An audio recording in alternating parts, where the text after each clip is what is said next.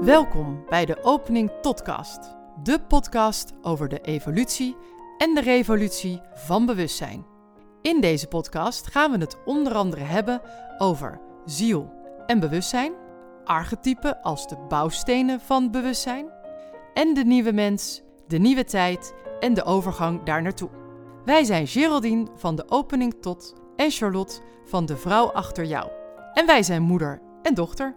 Wij hopen hiermee inspiratie te bieden voor jouw eigen evolutie.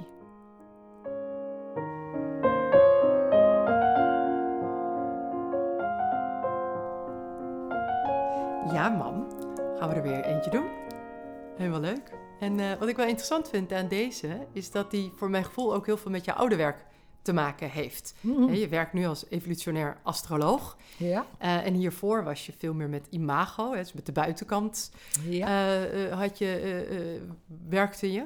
Ehm, en deze aflevering gaat over van zelfreflectie naar zelfexpressie. ja. En als ik dat goed vertaal, is dat heel erg ook van buiten naar binnen, binnen, zo buiten, zo binnen, zo binnen, zo buiten eigenlijk. Ja. Gaat natuurlijk beide kanten op. ja, ja, ja, ja. Dus dat ja. voelt een beetje als de verbinding ook tussen je, je vorige werk en je huidige werk. Ja, in wezen is dat ook eigenlijk wel zo. En ik merk ook dat ik eh, ja, toch regelmatig ook ehm, cliënten heb bij wie ik ook zie Ja, dat wat ze tonen, het beeld naar buiten, niet congruent is met wie ze denken dat ze zijn. ja, Of wie ze willen zijn, of wat dan ook. Er zit vaak een enorme gap tussen die twee werelden. En eh, daarom kwam ik ook op, de, ja, op deze titel. Die komen altijd zomaar in één keer ergens binnen. Ja. Meestal als ik boodschappen loop te doen en loop te worstelen om die afstand te overbruggen. Want wie mij kent, die weet dat ik een, een eh, mobiliteitsprobleem heb. En dan schieten er ineens van dat soort dingen door me heen. En deze was inderdaad leven van zelfreflectie naar zelfexpressie. Ofwel het vinden en het uitdragen van je ware plaatje, van je ware identiteit. Het Ja. plaatje, ons plaatje naar buiten, is dat ook wie ik werkelijk ben. En de reis van de ziel, als ik die dan even zie door de archetypen heen, dus door de cirkel van de archetypen, zeg maar, dan is het eerste huis waar wij de wereld in komen, is eigenlijk de identiteit waarmee je, of ja, het beeld waarmee je je identificeert. Het is het ik ben, wie ik denk dat ik ben. ja, En de reis door de archetypen, als iemand een klein beetje astrologisch onderlegd is, dan ziet hij de cirkel ook voor zich. En als ik dan reis van 1 naar 11, dan is in 11 is het gebied van dit is mijn ware individuele essentie, mijn individuatieproces, mijn individualiteit. Dat is heel wat anders dan mijn identiteit. Ja. Dus de identiteit hangt vaak samen met het ego. En in het elfde huis is de identiteit gevestigd in samenwerking met de ziel. Het achtste huis, Pluto, daar Ja. wordt de verbinding gelegd tussen die twee. Als die bereikt kan worden. Maar daar eh, ga je die onderwereld in om dus te onderzoeken van wie, Ja. wie ben ik dan werkelijk. Los van dat beeld van de buitenwereld. ja zeg het is maar. dat Dus- stuk zelfreflectie inderdaad, eh, waar dus- je mee aan de slag gaat. Ja, ja, het hangt ook allemaal zo samen. Dus van zelfreflectie naar binnen, naar zelfexpressie, zo buiten. En als dat één lijn is, als dat congruent is, ja, dan, eh, dan loopt het. Ja, Dan loopt het lekker ook ja. vaak. ja, dan ben je lekker bezig inderdaad. eh, ja. Ja, ja, precies. Maar merk je dat je in je vorige werk... ehm, dat, je, dat je al dingen anders zag of eh, er, ervaar- ervaarde... dat je dat al meenam eigenlijk onbewust... eh, het stuk wat je later bent gaan doen? Ja, absoluut. Want ik heb dat imago heb ik ehm 20, 25 jaar gedaan. En op een gegeven moment realiseerde ik me dat ik veel meer zag dan dat ik kennis had om handjes en voetjes te geven. En toen ben ik eerst een opleiding in de bioenergetica gaan doen, waarin dus het, het fysieke beeld van de mens ehm, aanwijzingen geeft over de, e- de emotie en de psyche en op welke manier de mens zich ehm, ja, wil tonen of niet wil tonen, of waar dus de, eh, de pijnen en de trauma's zitten, zeg maar. Die zijn eigenlijk zichtbaar in de bouw. Ehm, dus na de bioenergetica was ik zo gegrepen dat ik de psychologie van Jung vier jaar heb bestudeerd. En dat is het individuatieproces, dat is het, de, de zielsontwikkeling. Toen Ja. dacht ik, oh, maar Dit nou gaat het ergens naar wijzen. Ehm, toen ben ik ook nog ehm, astrologie gaan studeren, ook nog vijf, zes jaar. tarot, kosmologie. Ik pakte het allemaal maar tegelijk aan, want voor mij vielen alle kwartjes dat ik dacht, ja, kennelijk niet alleen zo binnen, zo buiten, maar ook zo boven, zo Ja. beneden. En ik heb alleen lang gezocht naar het in één werk te combineren. Dat is me niet gelukt, dus ik heb me toen verder op de astrologie gericht, totdat ik de evolutionaire astrologie vond en dacht, nou ben ik thuis, bestemming bereikt, hier Ja. was ik naar op zoek. ja. Maar er komen nu steeds meer dat ik inderdaad ook dus advies geef en soms ook nog weer consulten. Hoe kom je met jezelf naar buiten, maar dan met wie je werkelijk bent? Dus, dat, Ja, dus, dus, eh, ja, het blijft met elkaar in verbinding. Ja, Ja. Nou, het hangt natuurlijk allemaal samen, inderdaad. Ja. ja, ja. Ja. En je zei net met, met het, eer- het eerste huis, zeg maar, dat, dat eerste stuk, dat is dan wie je denkt dat je bent. Maar daarvoor heb je toch dan de, de ascendant, hoe andere mensen jou zien? Of Ja, het dat- eerste huis en het zevende huis, dat is as 1-7 natuurlijk, ik en de ander. Eh, daar zit de beeldvorming van mijzelf naar de ander, zit daar ook tussen. Ja. Eh, en het eerste huis is, hoe kom ik met mijzelf naar buiten? Maar op een onbewuste manier is dat vaak een masker. Dus zo gauw de ziel tot een groter bewustzijn komt en zich gaat realiseren van is dat wat ik laat zien, wat ik denk dat ik ben, ehm, wie ik echt ben, Ja. Dan gaat het ontwikkelingsproces natuurlijk in gang. Dus dat hangt met elkaar samen. En dan wordt het beeld naar buiten, dus het eerste huis en de ascendant, eh, worden een bewust gekozen beeld. Waarmee je ook kunt zeggen, ik kan bewust een bepaald masker opzetten. Als je bijvoorbeeld weet dat je een ehm, voorzichtige persoonlijkheid bent. En dat je nou niet erg vol zit van, van, van, van assertiviteit en moed, waar het eerste huis ook voor staat, maar dat die niet zo aanwezig is. Dan kan je toch bewust een masker opzetten van een stukje uiterlijke kracht. Dat kan je door kleding doen, dat kan je door de lichaamshouding doen. Dat, er zijn allerlei middelen voor om de beeldvorming te versterken en te ondersteunen. Om te bereiken wat je wil vertellen. Het is, het is een message, het is een boodschap. Het uiterlijk is een boodschap. En zo wordt het eerste huis ook vaak, ehm, ja, misbruikt is een verkeerd woord, maar men zet een imago neer, ja, is imago eigenlijk, om op een bepaalde manier gezien te worden. Een lichaam moet slank zijn, we moeten aan de botox. eh, en men mag niet zien dat ik boven de 40 ben. Dit zijn imago's, dit zijn maskers die je identiteit willen onderstrepen, Ja. maar niet je, je essentie. Niet je essentie. Iemand die 40, 50 is, heeft een rijpere essentie dan iemand die 30 is. En als je op je 50ste, 60ste nog het beeldvorming van de 30 wil hebben, Ja. dan zit er tussen zelfexpressie en zelfreflectie een, een, een hiaat. Ja. Laten we het zo zeggen. Dus ze komen wel degelijk ehm, heel erg, ja, niet heel, ze, ze, ze liggen heel erg dicht bij elkaar. Maar wat ik hiermee eigenlijk wil zeggen is dat het een kan niet zonder het ander bestaan. Als de zelfexpressie ehm, los is van de reflectie, laat ik zien wie ik werkelijk ben, Ja. dan, ehm, ja, dan zet je een vals beeld neer.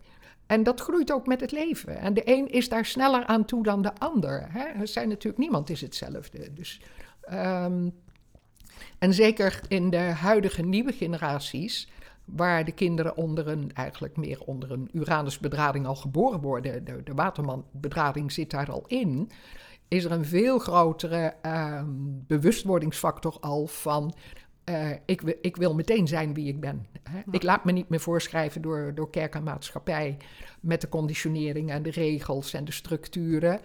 Ik wil vrij zijn om te worden wie ik werkelijk ben. Ik wil ook meteen het juiste vak kiezen. Ik ga niet meer de opleiding volgen waarvan mijn vader denkt dat het goed voor me is.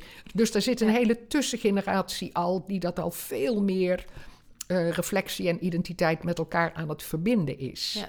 En natuurlijk komt reflectie, wordt sterker naarmate je ouder wordt. Dat heeft gewoon met elkaar te maken. Een kind van tien kan nog niet reflecteren zoals iemand van 60 dat kan. Dat, is, dat, dat hoort ook ergens bij het evolutieproces en het volwassen worden. Maar ehm, als het niet bij elkaar past, ja, dan, eh, dan klopt er meer niet. Dan, dan lopen mensen toch tegen zichzelf aan.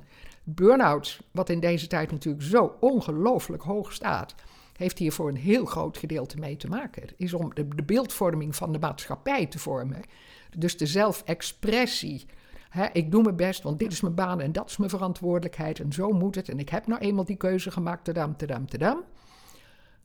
Om dan het vermogen te hebben om die stap terug te doen. Ja. Dat is ook een, ehm, een kenmerk van het eh, Waterman-Uranus-archetype. De objectiviteit, één stap terug en één stap omhoog. One step back, one step up.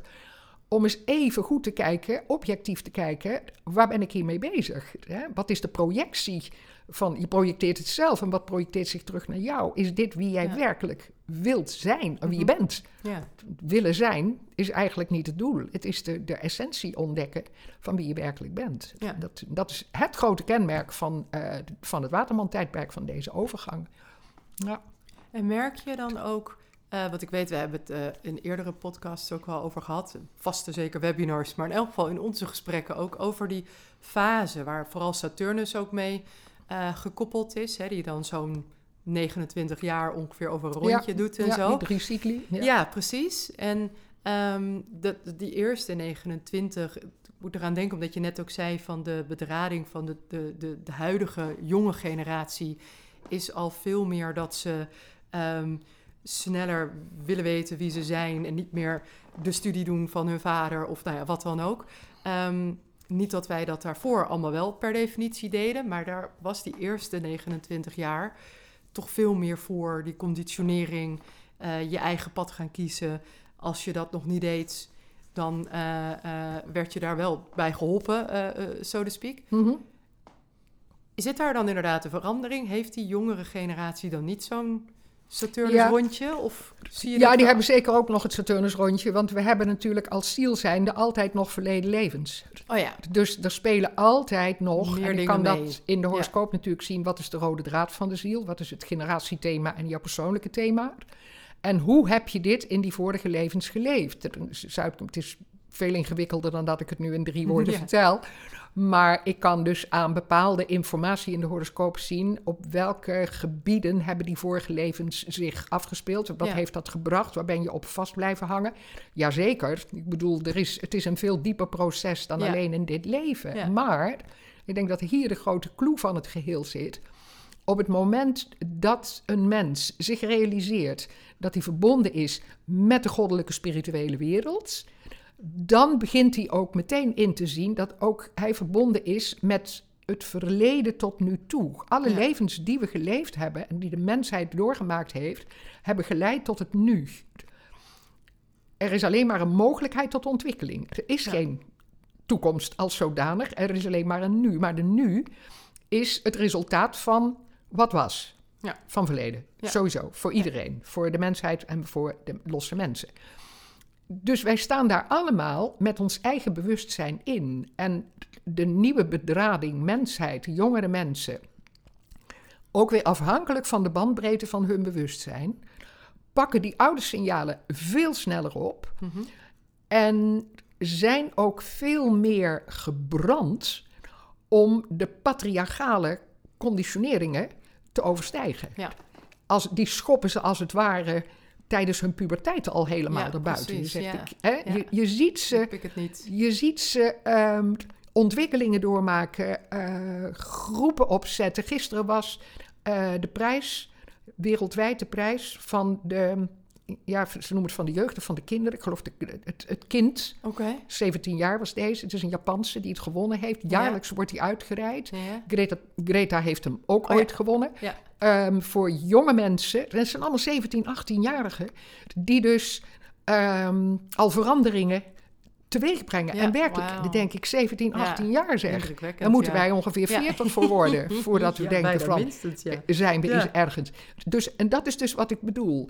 Ehm, natuurlijk zijn ze zo niet allemaal. Er lopen ook massa's tieners rond die gewoon woest zijn dat ze geen kwartier meer onder de douche mogen. En dat die dus nog zo aan de oude gewoonte vasthangen. Die zijn er ook. En dat maakt niks. Alles hoort erbij. Alles is in die evolutie. Maar er zijn jonge mensen die al ehm, ook qua bewustzijn, maar zeker ook qua eh, ontwikkeling in die vorige levens, al een bepaalde eh, staat bereikt hebben. Kan je dat zeggen? Een bepaald. Ja, ik vind niveau altijd een moeilijk woord. Ja. Maar het gaat ook niet om hoog of laag. Maar ergens toch wel een, ja, een uitgebreider en een lichter bewustzijn. Bewust van dat het om de mensheid gaat. Ja. En niet alleen maar om een ikje. Ja. En dat is natuurlijk, die identiteit is een ikje. Maar het individuatieproces is geen ikje meer. Dat is een ik neem mijn plaats in in het grote geheel. Dat krijgt een heel andere eh, kleur. Ja. Want dat noem ik dan dus ook eigenlijk je eigen kleurdoos. Ja. En waar het in de jeugd om gaat, en dat gebeurt al vanaf eh, een half jaar, het gebeurt al meteen natuurlijk, maar vanaf het één jaar wordt het kind zich daarvan bewust Mhm. dat het ingekleurd wordt met de kleurdoos van zijn ouders. Ja. Dus die eerste Saturnus-ronde Ja. van 28 tot 30 jaar is inderdaad bedoeld om je bewust te worden van, nou, ik ben wel heel zwaar ingekleurd. Ja. Of ik ben minder Ja, ingekleurd. Of, minder, ik was altijd ook. al een rebel en hier heb ik me al vrijgevochten. Dus Ja. ik vind die kleurdoos vind ik altijd een mooi, mooi, mooi beeld. En het wordt ook heel erg begrepen in de consulten. Ja. ja. Kan ik me ook wel voorstellen. Dat is ook meteen logisch. Dat Ja. je En allemaal vanuit liefde. Ik bedoel, Ja. iedere ouder voedt zijn kind op vanuit Ja. zijn eigen geconditioneerde overtuigingen en beelden en, en, en noem maar op. Dus dat is, het gaat allemaal in liefde in de meeste gevallen. Maar goed, dat, dat is gewoon mijn uitgangspunt. Maar het is niet altijd eh, beneficial voor het kind. Nee. En dat is nou eigenlijk waar leven voor bedoeld is. Want in wezen is de titel van de podcast Leven Ja. Van zelfreflectie naar zelfexpressie. Dit is waar leven voor bedoeld is. Worden wie je in essentie bedoeld, in essentie bedoeld bent te zijn. Je Ja. eigen kleurdoos ontdekken en jezelf als een pauw durven inkleuren van wereld. Hier ben ik. Ja. Kijk, dit draag ik bij. Dit is Ja. mijn unieke uniciteit. Ehm, mijn unieke patroon. En ehm, het is eigenlijk prachtig om, om het te zien, in werking te zien treden in de horoscoop en in het eh, ontwikkelingsproces, zeg maar. Ja, nou zeker. Ik kan me dat Ja. voorstellen dat het ook bijzonder is om ja, toch een soort bij te mogen zijn. Om daar Ja, mee Ja. een kijkje in te hebben. Maar het vraagt zelfreflectie.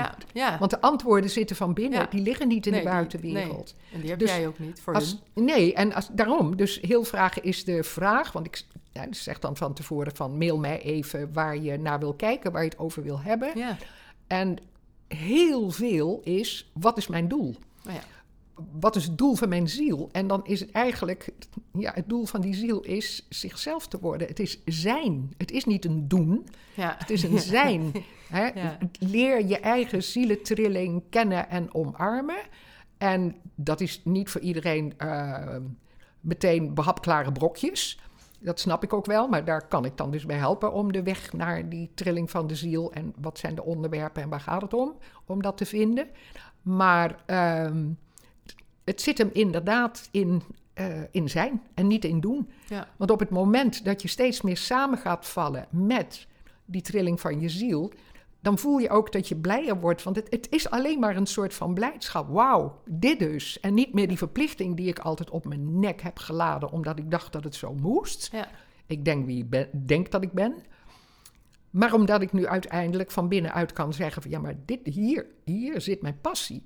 Ziel is bezieling. Ziel is passie. Ja.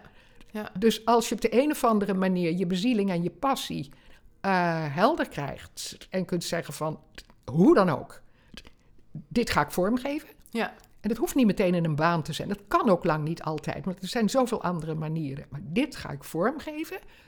Dan ga je doen wat je ziel wil. Ja. En dan wordt dat, dat, dat, dat, dat onderwerp, zeg maar, dat trek je vanzelf naar je toe. Want er is namelijk een kosmos die resoneert, alles hangt samen, op de trilling die je uitzendt. En dan, de mind creëert, Ja. Ontstaat het op een gegeven moment. Je ontmoet mensen, je krijgt kansen, het wordt een ding. En dan gaat het samenspel, kosmos, mind en eh, eh, werkelijkheid, dat gaat in werking. Ja. Dat gaat in werking. Ja, dat is het wonder. Het is echt Ja, een wonder. ja. Maar Ja. ik ben een bewijs dat het werkt. Ja. ja, dat is waar. Ja. Ja. Ja. Ik vind het altijd een, eh, een, een- mooie en een lastige. We hebben het er ook veel over gehad. Ja. Het klinkt dan altijd zo makkelijk. Ja, niet doen, maar zijn. Dat we toch zo gewend zijn aan... Ja, maar je moet doen. Het Moet toch allemaal een vorm en tastbaar. En ik kan toch niet op de bank gaan zitten wachten. Nee, dat werkt natuurlijk ook niet. Maar wat je mooi zegt is dat als je de, ehm, de, de juiste intentie hebt gevonden... dan ga je doen, zeg maar. Maar dan Ja. is het uitgangspunt anders. Eigenlijk wel alsof je Precies. eerst naar binnen gaat. Ja. Wat is het dan? Ja. En dan in die, naar Ja. buiten komen. Ja. Ja, en Ja. dan heb je een andere doen. Het is een andere manier van doen. Het is vormgeven vanuit je innerlijke bezieling. En dan krijgt het vanzelf vorm. Ja. Want die mind, hè, we hebben ook de podcast eh The Power of the Mind, daar hebben we ook de webinars over gehouden, de kracht van de geest. Die mind schept het. Ja. Maar de schepping die geen, nou gebruik ik het woord weer waar ik voorzichtig mee ben, spirituele basis heeft. En met spiritueel bedoel ik dan gericht op het goed van allen. Een, een, intentie die daar niet op gericht is, komt niet meer van de grond Ja. in deze tijd. Daarvoor is de ontwikkelingsfactor van de kosmos al te ver gevorderd. Ja. Ja. Het gaat hier om inzet en bijdrage aan het grote geheel. Vanuit liefde en samenhang en groter licht. Dus zo gauw vanuit dat uitgangspunt, hoe kan ik bijdragen voor het grote geheel? Om door mijzelf eigenlijk voor 100% in te kunnen zitten. Maar dat kan alleen maar iets zijn waar je blij van wordt, want anders zet je je niet in. Dan zoek je weer iets anders, dat doe je niet. Hoe klein het ook is, het zal bijdragen. Ja. Als op dit moment, waarin eigenlijk zoveel instort en zoveel mensen zich afvragen: wat, wat moet ik doen? Wat kan ik doen?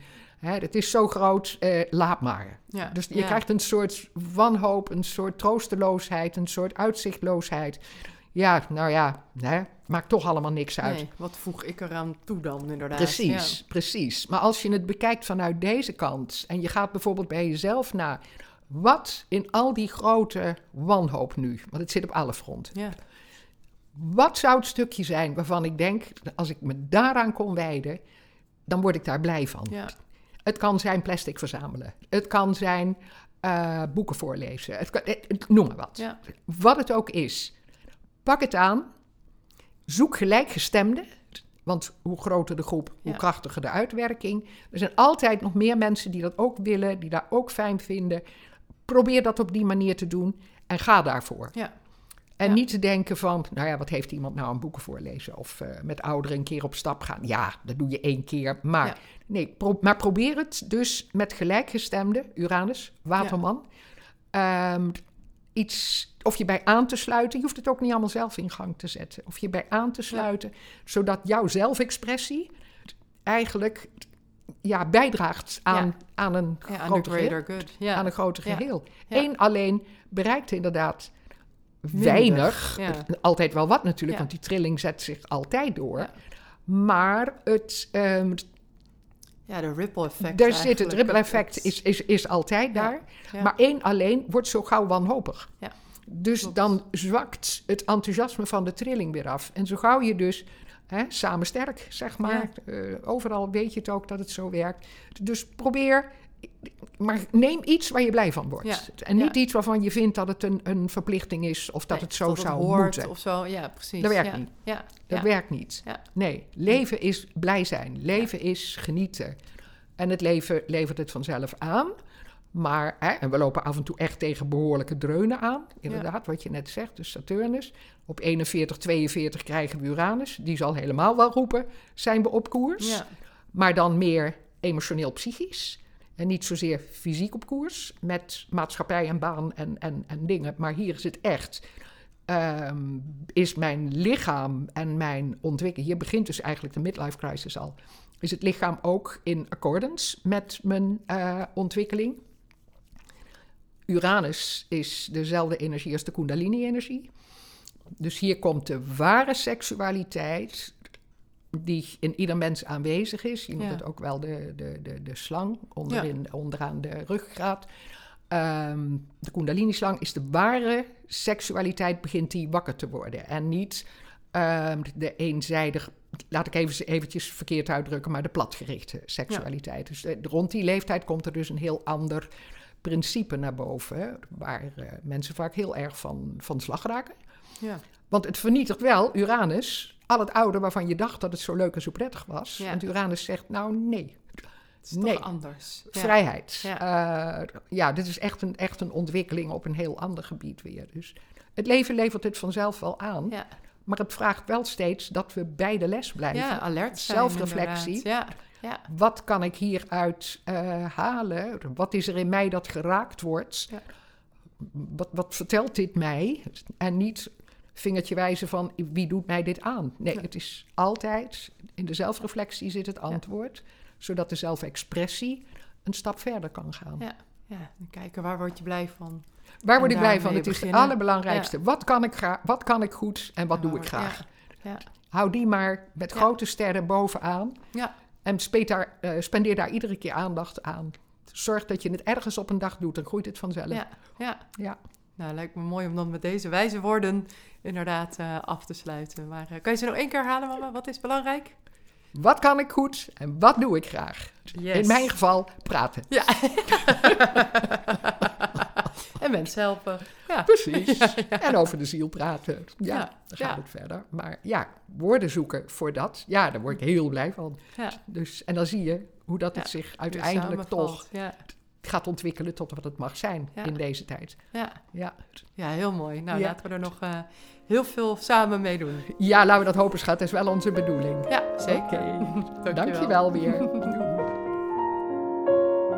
Deze podcast wordt gemaakt door Geraldine Pontenagel van de opening tot, met twee O's, evolutionair astroloog. En haar dochter Charlotte Roels van De Vrouw Achter Jou. Zij is theatermaker en storyteller. En nu dus ook podcastmaker.